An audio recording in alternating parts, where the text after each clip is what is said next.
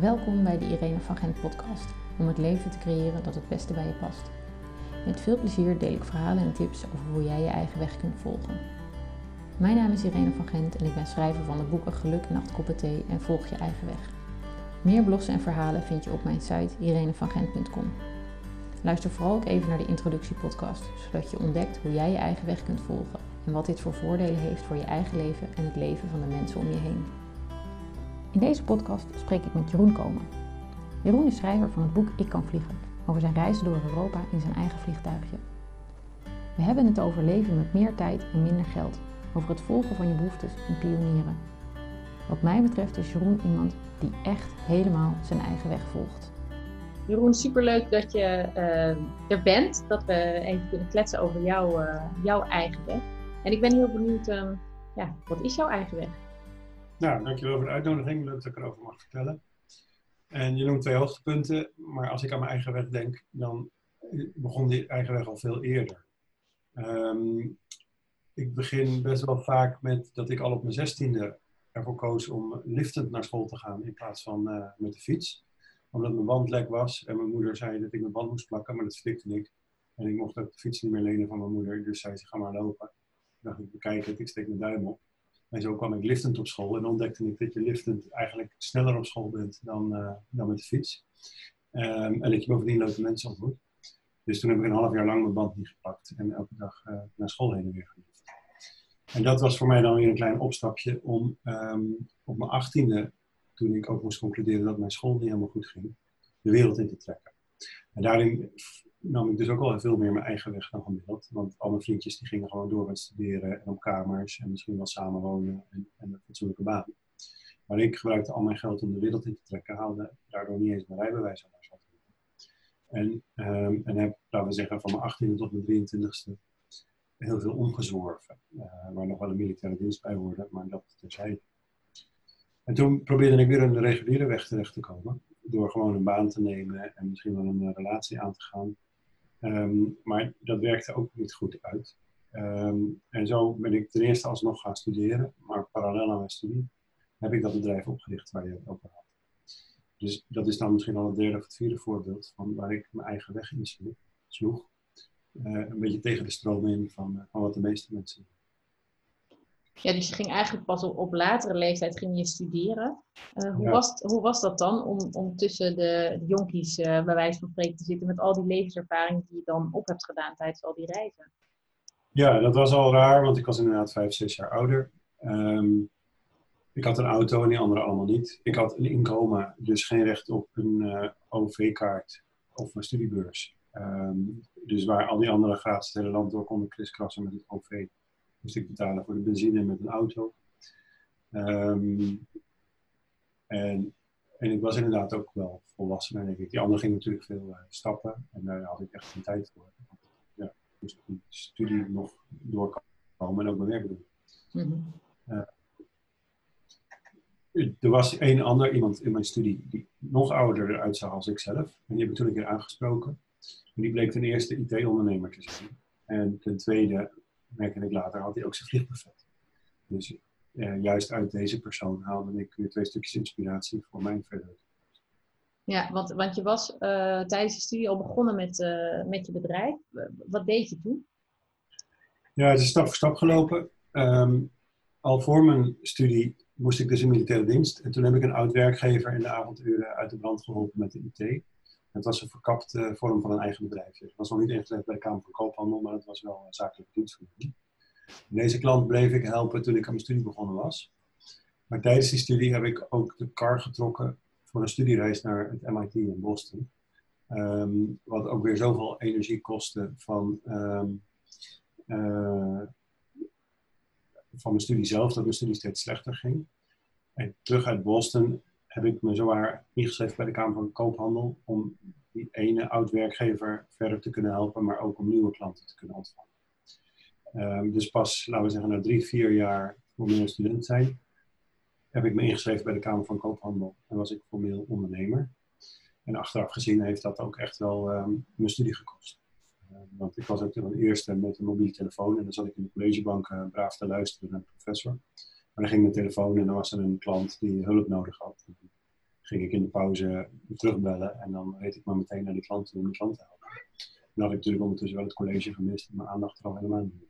Mm dus zo heb ik mijn studie niet eens afgemaakt, omdat die onderneming mij ingehaald, daarin ingehaald. Heb je daar spijt van? Nee. Ik was dus al niet goed op de middelbare school. En ik zag er erg tegenop om te gaan studeren, omdat ik eigenlijk van tevoren al wist dat ik het niet af zou gaan maken. Eigenlijk mislukte al mijn studies tot die tijd. Ik was daarin ook heel onzeker. Maar al liftende had één iemand tegen mij gezegd van, als het je knaagt bij je om toch weer een keer te gaan studeren, spreek dan niet met jezelf af dat je, dat je ook gaat afstuderen. Spreek met jezelf af dat je één jaar probeert, collegegeld betaalt, je best doet en dat je na een jaar kijkt of het leuk was en of het goed ging. En als het niet goed, als het goed ging, dan doe je het nog een jaar, dan zit je in tweede jaar. En als het niet goed ging, dan stop je er gewoon mee. En dan heb je het in ieder geval geprobeerd en heb je ook dat jaar feit gehad. Maar dan is de schade wat beperkt. En zo ging mijn eerste jaar heel goed, mijn tweede jaar ook wel goed, maar toen kwam de studiereis erbij. Mijn derde jaar al een stukje slechter. En het vierde jaar dat ik ingeschreven stond, ben ik nog een keertje ergens examen gaan doen op de Uithof. En toen ik daarheen reed, zag ik allemaal nieuwe gebouwen en zo. Dus ik was blijkbaar al heel lang niet op de Uithof geweest. Hm. Dat heb ik ook echt, uh, nou ja, totaal onvoldoende. Dus toen wist ik, nu is het tijd om, om mezelf niet meer voor de gek te houden en te denken dat ik blijf studeren. Maar de, de, studie die ik gedaan heb is um, cognitieve kunstmatige intelligentie. En, um, en nu is opeens uh, artificial intelligence weer een uh, flinke hype aan het worden. Dus ik ben eigenlijk heel gelukkig dat ik twintig jaar geleden de, de grondbeginselen daarvan wel uh, eigen gemaakt Ja. ja, want je neemt natuurlijk altijd wel iets mee in een studie. Ik vind het wel een mooi voorbeeld van um, de, de, ja, eigenlijk zien we altijd een studie als, als dat moet je afmaken en dat moet je afronden. Terwijl er komt dan heel veel druk te liggen op het feit dat je het moet afronden. Terwijl op het moment dat je in een studiebank zit omdat je het leuk vindt en omdat je ervan geniet om die kennis op te doen, haal je er misschien wel veel meer uit. Uh, en je neemt die kennis sowieso wel mee. Ja, spijker op zijn kop. Ja. Dus het doel moet niet zijn om een diploma te halen of om het af te maken. Of je moet niet bang zijn dat het zonde van je geld was als je nou begonnen bent zonder het af te maken. Je kiest voor die weg in plaats van voor het doel. Ja, ja. heel mooi. Uh, en, en toen, uh, nou ja, je, je onderneming nam steeds meer, uh, meer tijd in beslag. En je zat, denk ik, een beetje aan het begin van dat we met computers gingen werken. Dat bedrijven met computers gingen werken. dus je was eigenlijk vrij vernieuwend bezig op dat moment. Was je echt computers aan het installeren bij, bij bedrijven? Ja. Het was de tijd, ik, ik herken altijd drie fases. De, eerste fase was dat alle bedrijven eigenlijk alleen maar typemachines hadden. En de postkamer en de secretariaat en tipex en postbakjes. En dat was gewoon overal ongeveer hetzelfde. En ik belde dan min of meer aan en ik zei, wordt het niet tijd voor een pc? Want dan kan je een bestand opslaan en dan kan je morgen verder. En soms werd er dan door zo'n bedrijf één pc gekocht waar tien mensen om zijn beurt mochten zitten werken. En als die pc dan crashte, dan belden ze mij op en dan kwam ik het fixen, misschien pas een dag later. En dat het een dag duurde, was niet zo heel erg, want al die mensen hadden ook een typemachines. Um, en ze waren al lang blij dat ik dan een dag later al uh, het kwam repareren. Um, later heb je dezelfde transitie nog gezien van fax naar e-mail.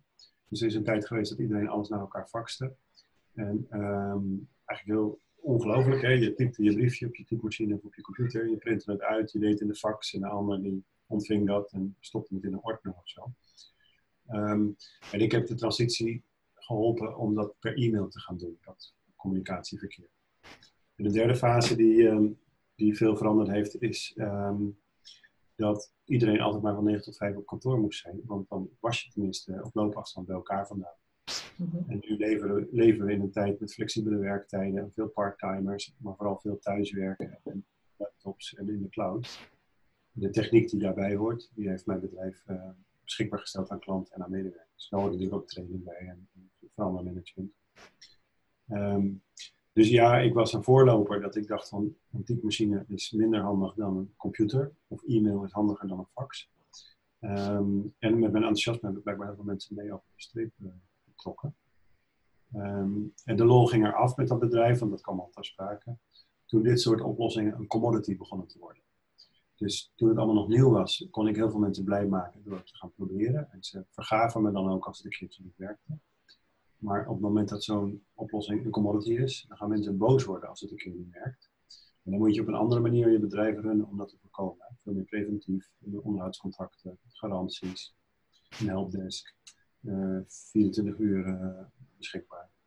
En, um, en, dat past gewoon wat minder goed bij mij. Ik snap zonder meer dat klanten dat nodig hebben. En het bedrijf bestaat nog steeds en zij bieden wel dit soort faciliteiten.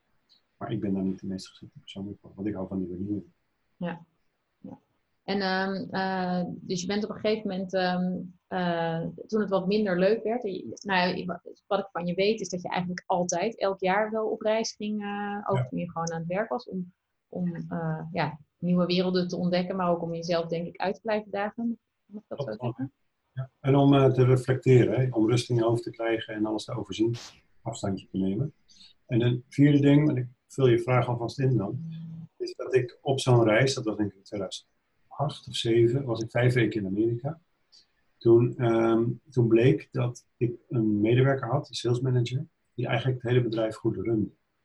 Want wat ook de kracht was van zelf steeds weggaan tijdens mijn ondernemerschap, is dat je daarmee heel veel vertrouwen geeft aan je personeel om het zelf op te lossen als er iets aan de hand is. Niet om te wachten tot de baas uh, ja of nee zegt, maar het alvast en tijdens deze reis in 2007 kon ik vaststellen dat mijn sales manager gewoon alles opgelost had wat er nodig was om op te lossen. En toen heb ik hem gevraagd, wil je uh, algemeen directeur worden van dit bedrijf? Um, misschien was het 2008, ik precies. Toen hebben een jaar de tijd genomen om mijzelf zeg maar, uit te faceren en hem uh, de volle verantwoordelijkheid te geven. Het personeel moest eraan wennen, hij moest er zelf aan wennen.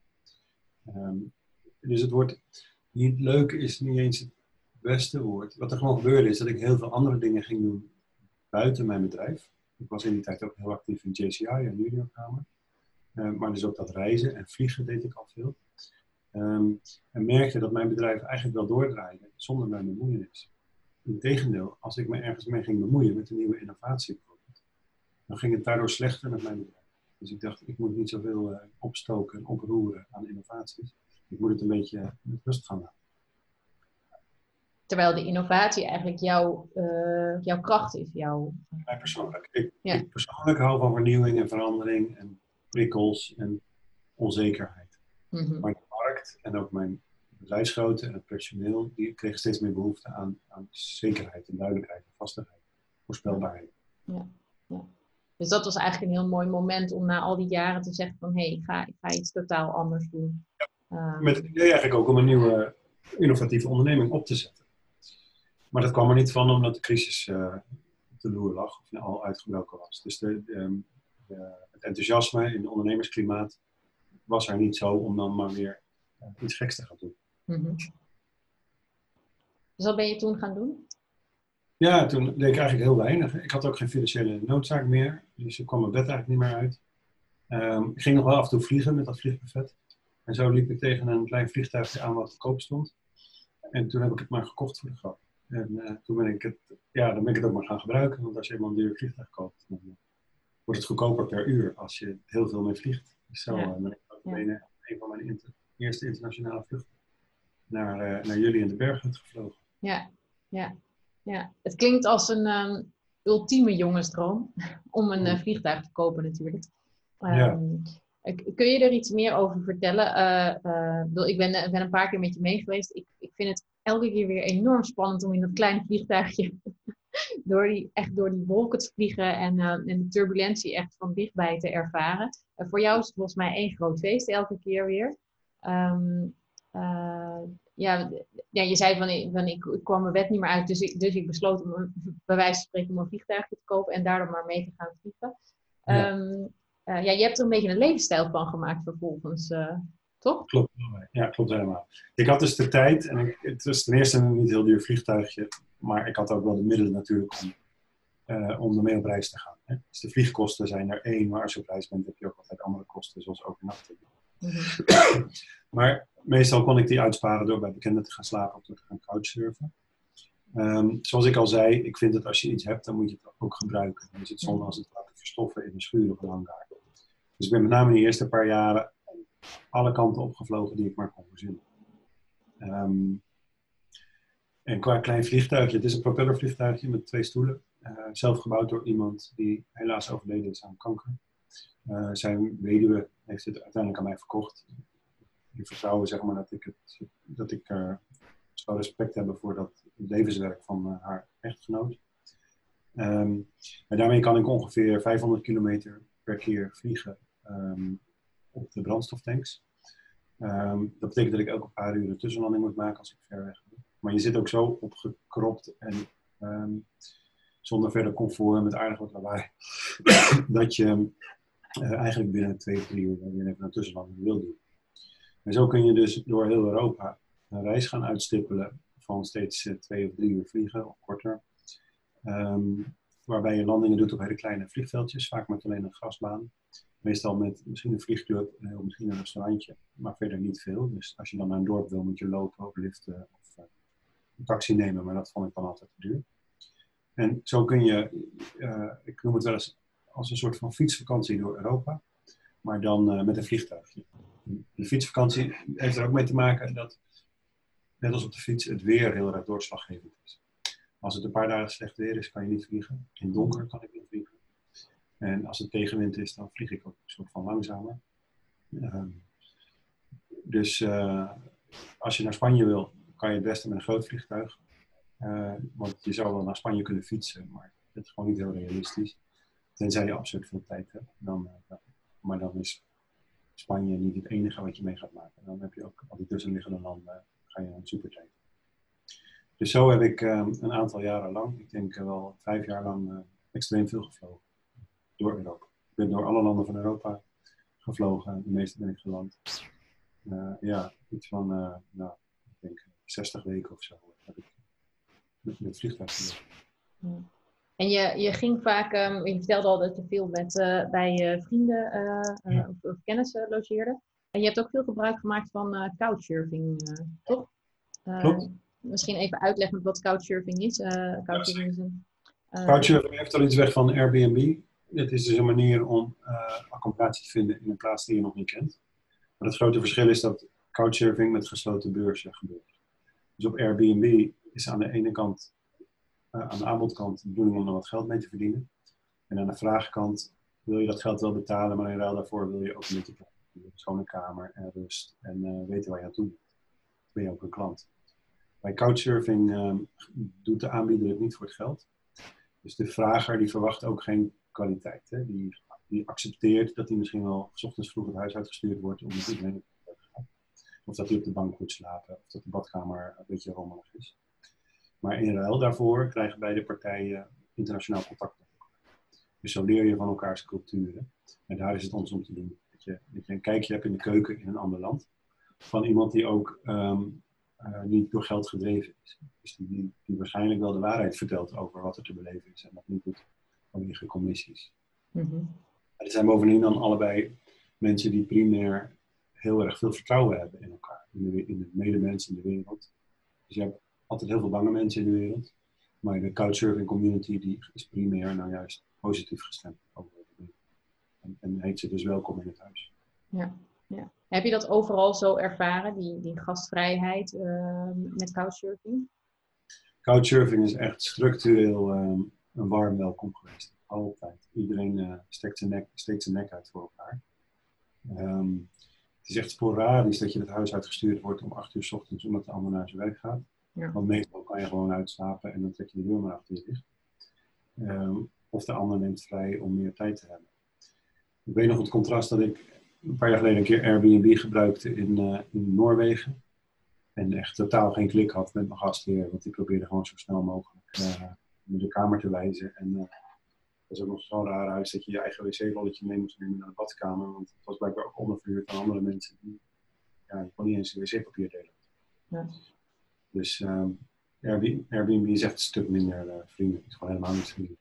Ja ja. Dan zit, uh, ik heb dat laatst ook ervaren, precies wat jij omschrijft. Uh, niet, niet zozeer met de wc-rol, maar wel met, met gewoon het feit dat, uh, dat het heel moeilijk was om, om contact te maken met de, met de huiseigenaren. Waardoor je dus echt wel sterker voelt dat het inderdaad alleen maar om het geld, ja.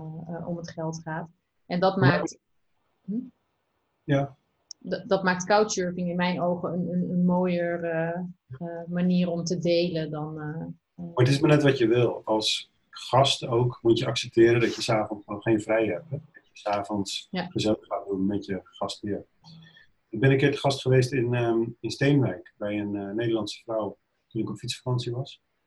Ehm, waar ook nog een andere couchsurfer te gast was. Dus zo waren we eigenlijk met z'n drieën heel gezellig aan het doen. En deze vrouw verhuurde haar zolder ook nog via Airbnb. En um, om tien uur s'avonds hoorden ze de voordeur uh, opengaan met het slot. En toen bleek haar Airbnb-gast thuis te komen. En ze wist gewoon te voorspellen dat deze gast stiekem de trap op zou lopen naar zon. Zonder gedacht te zeggen.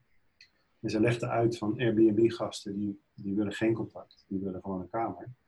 En couchsurfers die willen nou juist gezelligheid. Die komen niet om tien uur s'avonds thuis, die komen om zes uur thuis. Ja. Ook, het contrast is heel interessant. Dat ja. is misschien een naar uh, cultuurverschil wat ik zo interessant vind.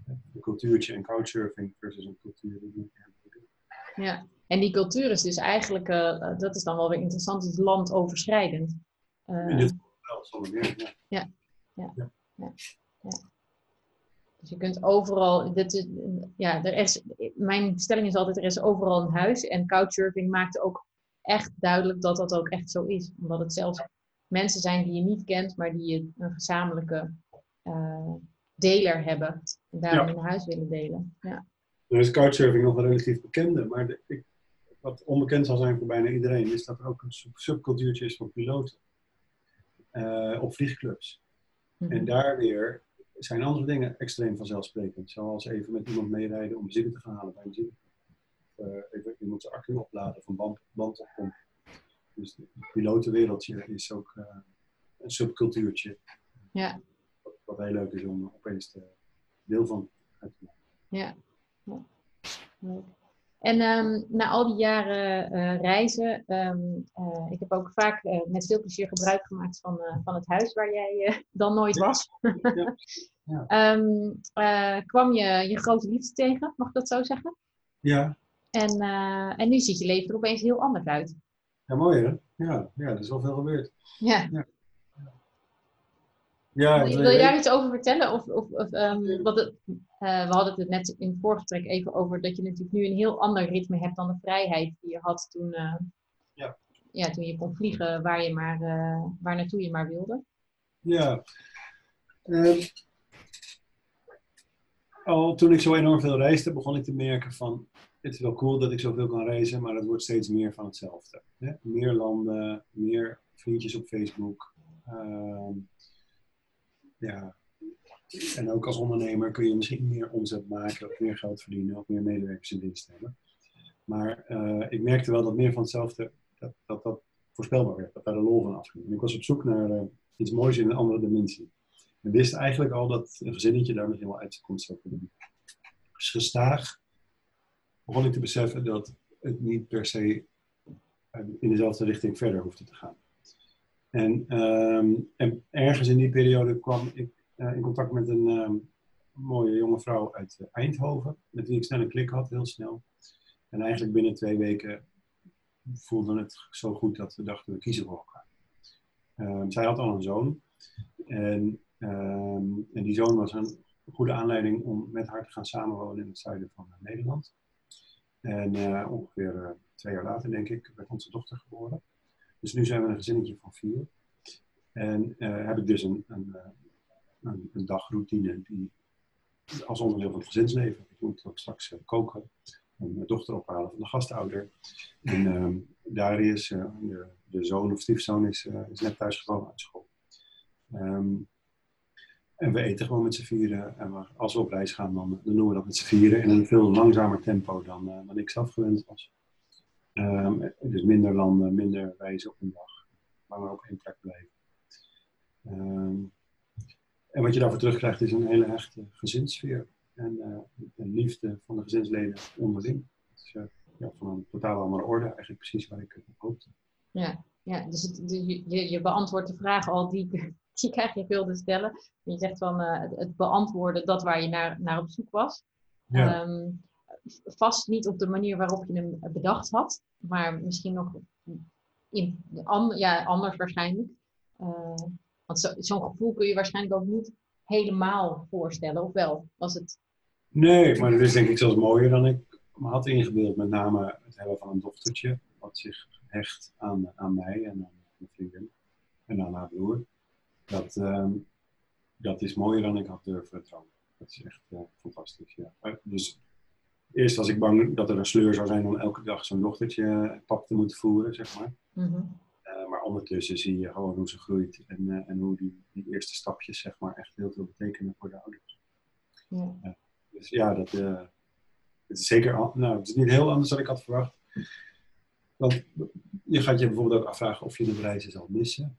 En dat mis ik niet heel Nee, dit is gewoon mooi. Ja, ja. En heb je je vliegtuig nog? Ja, dat wel.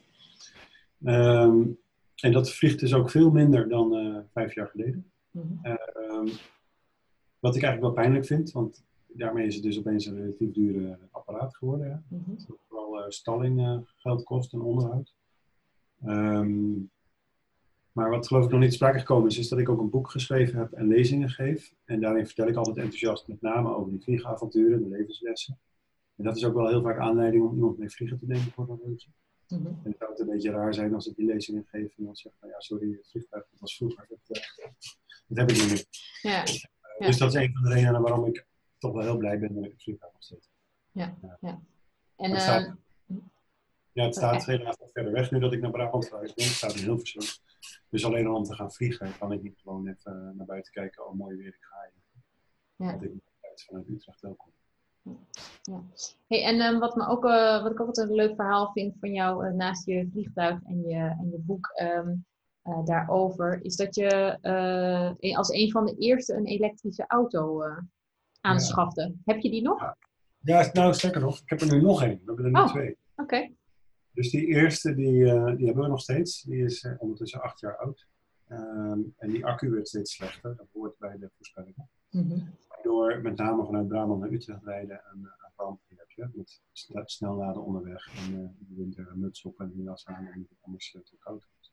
Want als je de kachel uitzet, dan kan je weer een beetje verder. Ja. Dus van de zomer hebben we een heuse Tesla erbij gekocht, een, zo'n nieuwe, Model 3. Um, die eigenlijk opnieuw een hele hippe auto is. Die, kan zelf rijden en maar die kan van alles. Oké. Okay.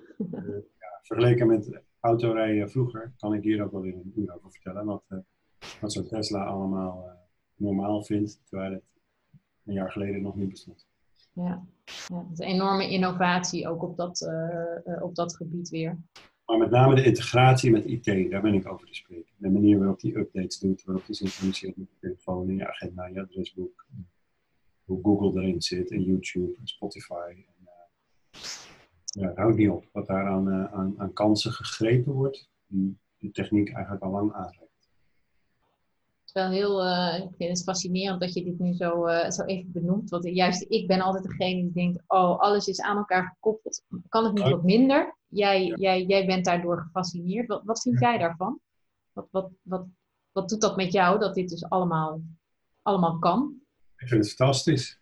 Ik erger me eraan dat als ik een afspraak met iemand heb en ik schrijf die afspraak in mijn telefoon en het adres ook. Zodat ik het daarna moet overtikken in het navigatiesysteem van de auto. Mm -hmm. Dat gaat mij niet in. En, uh, en nu is het zo dat dat ook niet meer hoeft. En dit is maar één voorbeeldje van integratie, maar dat hebben we natuurlijk op duizend vlakken. Ja, de hele tijd dingen overtypen. Dat is wat er met de typemachines gebeurde 20 jaar geleden. Ja. ja. Dit is mijn drive om, om, om geen dom werk te hoeven doen. Ja om het, om het steeds, zodat het steeds makkelijker wordt en je kunt richten op andere dingen misschien. Ja, helemaal. Ja, ja, ja, ja, ja, ja. Je vroeg me ook in het voorgesprek wat over routines. ik ben zo gebaat bij uh, iemand die heet Taco Oosterkamp. Die zei, als je kenniswerker bent, dan moet je zorgen dat je hoofd vrij is om met die kennis om te gaan, om creatief te zijn. Mm -hmm. Dat doe je door al het geregel, uh, domme werk, in een routine te vangen. Nou, als een computer het voor je doet, is het nog meer. Ja. Je hoofd leegmaken om creativiteit toe te laten. Dat is uh, misschien wel de essentie daarvan. Ja, ja. Dus dat is een van de dingen waar jij uh, een groot voorstander van bent. Om dus alles in, in, uh, nou, of in systemen of in routines te krijgen. Zodat je meer tijd overhoudt voor je creativiteit. Ja, ja, ja, ja. Hoe meer rust in je hoofd hebt. Hoe meer aandacht voor kwaliteit ook. In plaats van regel en kwantiteit. Ja. En hoe komt dat in jouw leven naar voren? Um, ja, op veel manieren. Eentje is dus dat ik heel veel dingen automatiseer. Het feit dat mijn auto nu goed weet waar ik heen wil, heb ik te danken aan het feit dat ik al twintig jaar geleden begon met een elektronische agenda. En dus heel erg gewend ben om, om überhaupt adressen te noteren. En dan noteer ik ze niet bij de afspraak, maar dan noteer ik ze bij de persoon met wie ik de afspraak heb. Als ik later nog een keer naar diezelfde persoon ga, dat ik niet het adres weer op hoef te zoeken. Ja. Dus die gewoonte zit al twintig jaar in mij. Maar een andere gewoonte die ik in mijn universiteit goed heb geleerd, is dat als ik zelf uh, slordig begon te worden ergens in, of uitstelgedrag begon te vertonen, dan was dat een teken dat ik het moest gaan uitbesteden, of outsourcen of iemand ervoor aannemen.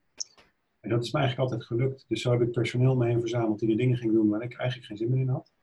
Met als uh, klap op de vuurpijl dus die directeur die mijn bedrijf ging runnen, omdat ik merkte dat ik uh, liever op reis ging zelf. Mm -hmm. um, maar ook nu hè, heb ik een boekhoudkantoor, een boekhoudkantoor die, uh, die de financiën op een uh, rijtje zet. Uh, een websitebouwer die mijn website in de lucht houdt. Um, en zo doe ik hard mijn best om, om, om zelf alleen nog maar die leuke dingen te doen. Ja. Het kost soms geld, um, maar dat, dat is het me waard.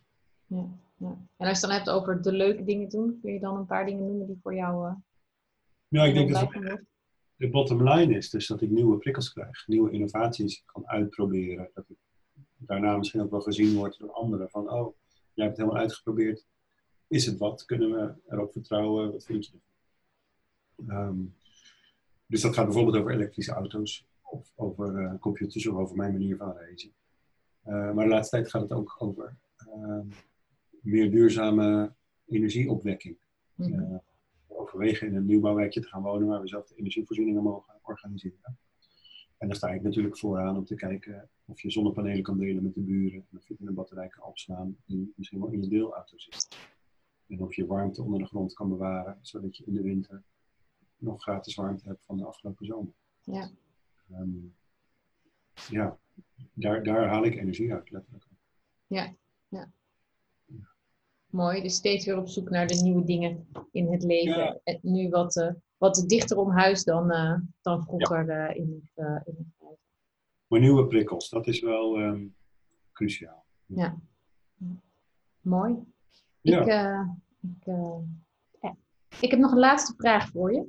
Um, als je mensen nou zou adviseren om um, een beetje uit de red race te stappen en een leven te creëren dat, dat beter bij, bij ja, hun eigen ideeën, idealen past. Wat, wat, wat zijn dan tips die je ze mee kunt geven? Nou, de belangrijkste is volgens mij dat je met veel minder geld rond kunt komen dan mensen in die red race uh, denken dat ze nodig hebben. En ik kan daar wel een paar verklaringen voor geven ook. Het begint al met een hele flauwe dat als je veel verdient, dan betaal je relatief veel belasting. Als je weinig verdient, betaal je bijna geen belasting. Maar ook als je veel verdient, heb je druk meestal en heb je misschien wel een schoonmaker nodig.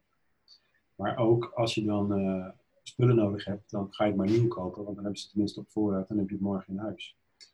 Maar zodra je uit de wetrace stapt en zorgt dat je tijd hebt, dan heb je ook heel veel tijd om, uh, om te bezuinigen. En dan blijkt dat heel veel kosten echt een factor 10 lager kunnen. Uh, ja, misschien al een factor 3.